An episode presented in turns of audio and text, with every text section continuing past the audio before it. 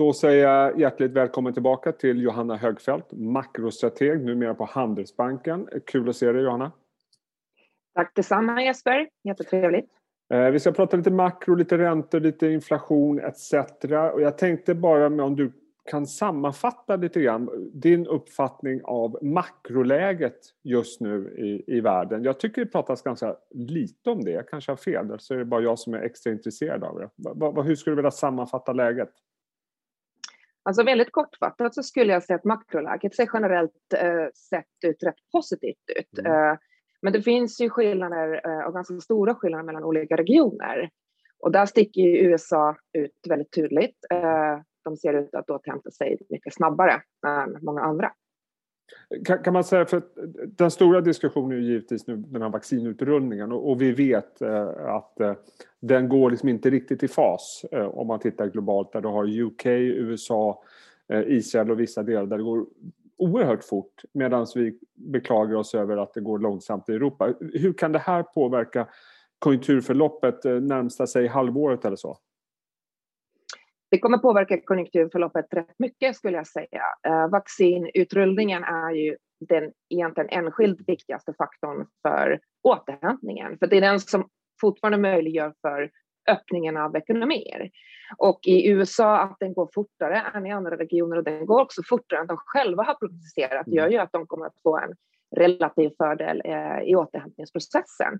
Så att mycket kommer hända, eh, eller bero på vaccinutrullningen. Det är den som kommer göra den relativa skillnaden i konjunkturåterhämtningen eh, också, åtminstone för i år. Och om man tittar, alltså min uppfattning när man pratar med strateger och makroekonomer så pågår det nästan, tycker jag känns, nu är jag lite elak, som att det är en tävling i att skruva upp konjunkturprognoserna. Det, det råder en väldig optimism och har gjort så ett tag tycker jag. Eh, finns det en risk att vi är lite väl optimistiska i det här scenariot?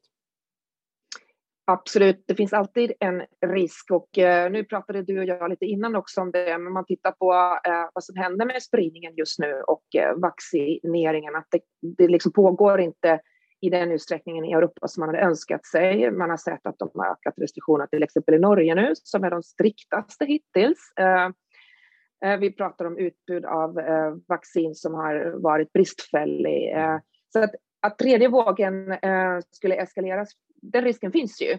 Men det som talar emot det är ju det här kommande utbudet då, som vi också var lite inne på, att man, man litar väldigt mycket på att den här produktionskapaciteten har ökat och att vi kommer att faktiskt få vaccin, direkt med vaccin så småningom. Och det är det som ger egentligen eh, den här positiva grunden till de här prognosjusteringar då som, som har präglat makro, makromiljön, skulle jag säga.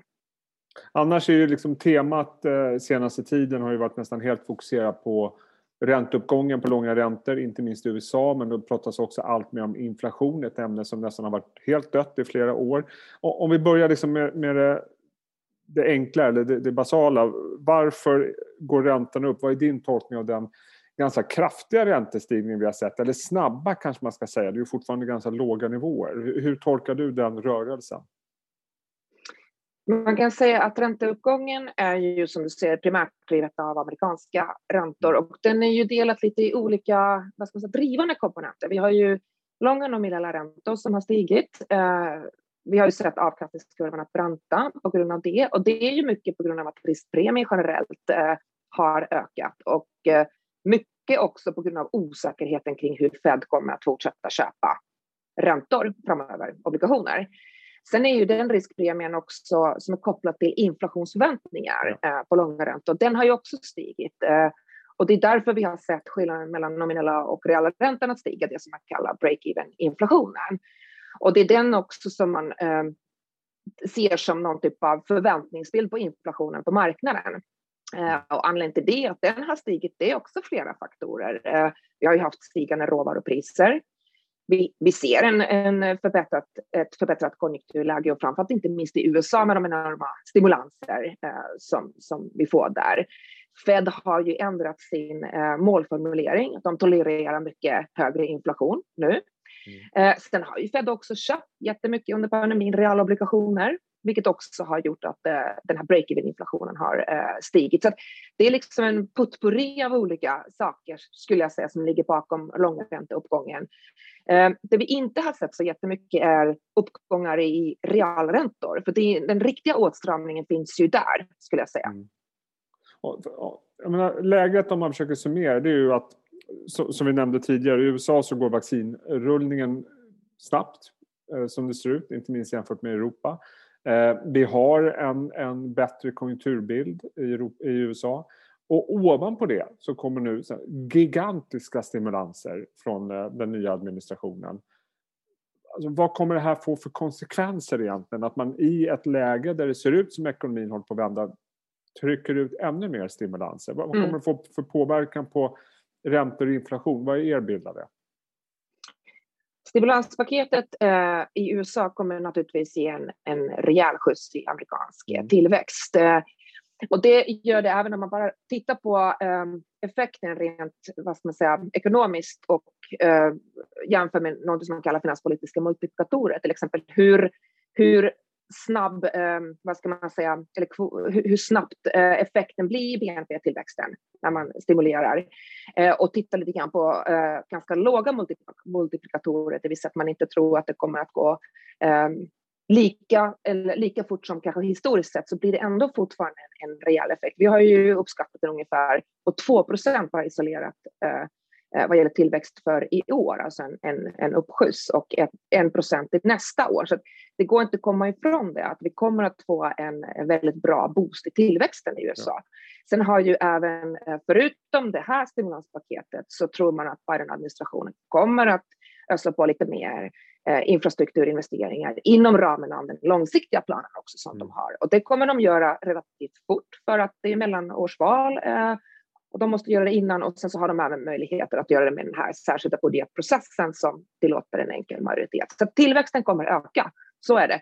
Sen är ju då den här inflationsoron som finns i bakgrunden. Vi ser inte inflation vi ser förväntningarna stiga, men vi ser inte faktisk inflation öka än. Men det vi vet är att inflationen kommer att öka på närsikt på grund av eh, tekniska faktorer. Bara det gör ju att vi kommer att få kortsiktiga impulser uppåt, eh, baseffekter och energipriser. Men om vi ska få en långvarig inflations, eh, vad ska man säga, trend eh, uppåt, då krävs det ju också att arbetsmarknaden är glödhet ja. eh, och når en full sysselsättning. Vi måste få lönetillväxten med oss. Och vi är väldigt långt ifrån där än, okay. skulle jag säga. Och då är frågan, för nu sitter amerikanska Fed i möte idag tror jag. Och jag tror Power kommer väl prata i morgon, onsdag om vad de tänker sig. Jag, jag, misstänker att marknaden kommer vara helt eh, fokuserad på att hitta någonting om just inflationen och räntan, vad han kommer säga där. Vad, vad förväntar ni er av det här mötet? Inget nytt i dagsläget mm. egentligen. Eh, marknaden är ju rätt besviken på Powell att han eh, såg igenom ränteuppgången eh, när han talade 4 mars eh, för, förra, förra talet då. Eh, och det betyder ju att Fed tolererar högre räntor så länge ekonomin växer i paritet med det. Men marknaden suktar efter ju mjukare toner eh, och kommer att fortsätta kasta Fed eh, genom att handla upp långräntor eh, och också börja prisa in räntehöjningar längre ut på tiden. Det skulle jag eh, tro. Så att det här mötet blir väldigt mycket av kommunikation. Eh, det blir väldigt mycket att titta på vad de gör med sina prognoser, om de kommer revidera prognoser inflationsprognosen, hur syns deras tolerans för högre inflation i inflationsprognoser och just diskussionen kring arbetsmarknaden. För de har ju börjat titta på lite bredare mått, inte bara arbetslöshet utan man tittar på eh, sysselsättningsgraden, man tittar på minoritetsgrupper på arbetsmarknaden eh, etc. Och det är de här indikatorerna man vill veta var någonstans Fed eh, tycker att eh, ekonomin skulle till exempel nått en full sysselsättning. Så, så, att, för, för, nu är det precis som du sa, de, de, Fed har ju signalerat att man är mer flexibel vad gäller inflationen, att, eh, var den går någonstans. Men frågan är när blir räntan eller, och inflationen, när blir det ett problem eller en utmaning för centralbanken och när måste de agera och vad kan de göra? Mm. Eh, jag tror inte att det finns någon magisk nivå för Fed eh, där de tycker att eh, tioårsräntan inte får vara längre, utan jag tror att det är också en kombination av flera faktorer. Fed har varit tydlig med att de vill inte, det de inte vill är ju att de finansiella förhållandena stramas alltså på bred front. Och då pratar man ju om börser, man pratar om stigande spreadar, stigande boräntor, fallande bopriser och, återigen då som att man, man ser en kraftig, ett kraftigt fall på börsen. Det, det om de, alla de här bitarna sammanfaller, då stramas de finansiella förhållandena och det är det de inte vill se. Då skulle de ju naturligtvis agera. Och långräntorna i sig, bara isolerat, eh, är inte ett, ett, problem så länge man ser att det andra finns på plats och ekonomin eh, eh, tugga på. Eh, sen eh, vad gäller inflationen generellt också, de kan ju vara bekväma och eh, eh, tolerera högre inflation för att centralbankerna idag, och det här gäller alla centralbanker, de har ju verktygen för att hantera det. Eh, det är bara att strama åt penningpolitiken eh, med de konventionella verktygen de har, det vill säga räntehöjningar eller att de minskar balansräkningen. Så att åt det hållet så finns det inte någon risk att verktygslådan blir tom det är ju större problem åt andra hållet. Eh, får du också känslan av att eh, det känns som att stafett, man lämnar lite grann över stafettpinnen till politikerna nu? Att vi har haft en penningpolitiska eh, stimulanser under väldigt lång tid. Att nu känns det som att nu är det politikerna som får ta över den stafettpinnen och göra finanspolitiska stimulanser. Får, får du också den känslan att det är där vi är just nu? Absolut, eh, det har de gjort och det har varit rätt lyckat på ett sätt. Eh, penningpolitiken var ju den som var verksam i början av krisen för att tillföra likviditet och kreditförsörjning i ekonomin och se till att mm. finansiella marknaden fungerade. Sen så tog finanspolitiken över, se till att ekonomin eh, kan överleva och nu på sikt också se till att vi verkligen får en stimulans i efterfrågan. Och det här gör ju att centralbankerna kan sitta rätt bekvämt, för finanspolitiken sköter egentligen jobbet just nu.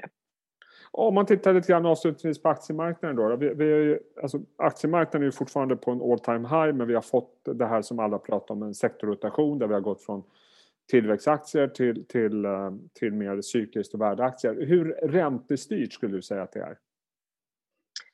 Det är både räntestyrt men också konjunkturstyrt skulle jag säga. Eh, räntorna har ju dels som vi pratade om gått upp eh, på grund av att man förväntar sig ett bättre konjunkturläge men man förväntar sig också en snar normalisering. Och det är väl egentligen det som har gynnat värdeaktier eh, framför allt, eh, som sjönk i värde eh, istället för tillväxtaktier och eh, ja, på grund av den omställningen som vi såg. Eh, sen gynnas ju naturligtvis finans väldigt mycket av brantare avkastningskurva, så den är ju väldigt direkt kopplad till eh, räntemarknaden. Och vad kan man säga? Man, man pratar ju väldigt mycket om, om liksom att eh, vi har levt under en tid med liksom låga räntor och TINA har styrt börsen.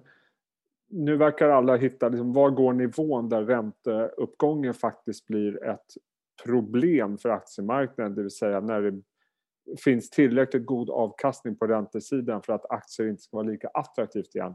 Svårt att säga givetvis var den nivån ligger, men, men vad, vad är din känsla för, för hur mycket räntan kan stiga utan att det blir liksom ett att man allokerar om? Mm. Man kan säga att, eh, precis som du sa, dels är det då räntan blir ett problem eh, när den, blir, när den ger en åtstramande effekt för, för aktiemarknaden. Och eh, det är framför allt då realräntan man inte vill då eh, ska gå upp. Eh, Sen är det ju, eh, och där är det också ränteuppgången ska inte vara snabbare än uppgången i tillväxten det är väl egentligen det som är väldigt viktigt för, för aktievärderingen. Men sen, ja. som du sa också, när, när räntorna börjar ge en avkastning som kan konkurrera med aktiemarknaden, eh, antingen att, att den, den överstiger direktavkastning eller att den de facto överstiger den förväntade eh, vad ska man säga, vinsttillväxten på aktiemarknaden. Mm. Den nivån har ju, det, det är svårt att se vad den är idag. Historiskt så låg den någonstans eh, vid 5 kanske om man tittar lite grann på Eh, de, de eh, perioderna som fanns innan vi kom in i den här lågräntemiljön. Men idag kanske det ser annorlunda ut. Eh, det beror ju lite grann på också vad, vad man vill ha för avkastning. Men eh, det är svårt att se att vi kommer dit eh, idag. Eh, det finns fortfarande ganska mycket strukturella faktorer som påverkar räntorna som också gör att vi, vi kommer liksom inte se samma kraftiga uppgång i, i räntorna som man kanske såg tidigare, till exempel på 90-talet. Det, det, det var ett helt annat regim. Kan inte också högre räntor indikera att det är, vi går mot en bättre konjunktur, vilket är i grund och botten positivt för bolagen på börsen? Precis, och det är väl egentligen det vi ser då också nu att eh, så länge ränteuppgången går i paritet med förbättrad ekonomi så är det ju eh, in, in, inte ett problem. Eh, och för både liksom aktiemarknaden och egentligen räntemarknaden påverkas eh, vad ska man säga, rent teoretiskt på samma sätt eh, av ränteuppgången. Och avslutningsvis, att, ja, mm. förlåt, nej, jag tänkte bara avslutningsvis Johanna, er bild av resten av 2021. Min känsla är som sagt att konsensus är väldigt optimistisk. Vad ser ni för scenario resten av året? Det är mycket som kan hända det är mycket som kan hända, absolut. Och mycket hänger, hänger ihop med, med som, som vi pratade om, med vaccin, vaccinutrullningen och, och sådär. Eh, vi, ser, vi ser ju eh, positivt för konjunkturåterhämtningen och det är klart, återigen, när vi var inne på, så ser det ju lite olika ut för, för olika regioner. Mm. Eh, och det, och om vi lyckas få till en vaccin, eh, vaccineringen av stora befolkningen nu här under våren så, så, så, kan ju ekonomin kan vi faktiskt få ännu bättre utveckling i ekonomin än vi kanske i dagsläget prognostiserar. Så att eh, vi, vi, tycker att det ser rätt positivt ut och framförallt då såklart i USA där signalerna idag är väldigt positiva för, för just vaccineringen. Så även om eh, konjunkturförväntningarna har stigit så finns det utrymme för att de ska justeras upp ytterligare om vaccinet rullar ut i den takt som vi hoppas på? Ja, absolut, det kan det göra. Det, det, det, det är det. Och sen är det ju också så att eh, man ska isolera också det här året från nästa år för att mm. mycket av till exempel USA-effekten blir ju stimulanspaketet som ja. slår in i år. Nästa år blir inte lika gynnsamt och eh, glatt för att det är ändå fortfarande mycket engångseffekter. Men sen, sen finns det ju säkert ett uppdämt behov av att konsumera hos oss när vi väl går tillbaka till någon typ av normalisering. Och den, hur, hur stor den effekten blir är ju såklart svårt att se, säga i dagsläget, men det finns ju mycket som antyder att det, det kommer att uh, gynna ekonomin framöver. Mm. Ja, eh, vi hoppas eh, att det rullar på bra det här med vaccineringen. Johanna Högfeldt, det var jättekul att se dig igen. Kul att snacka med dig. Vi hörs längre fram. Ha en fortsatt bra vecka. Tack så mycket. Tack detsamma Jesper.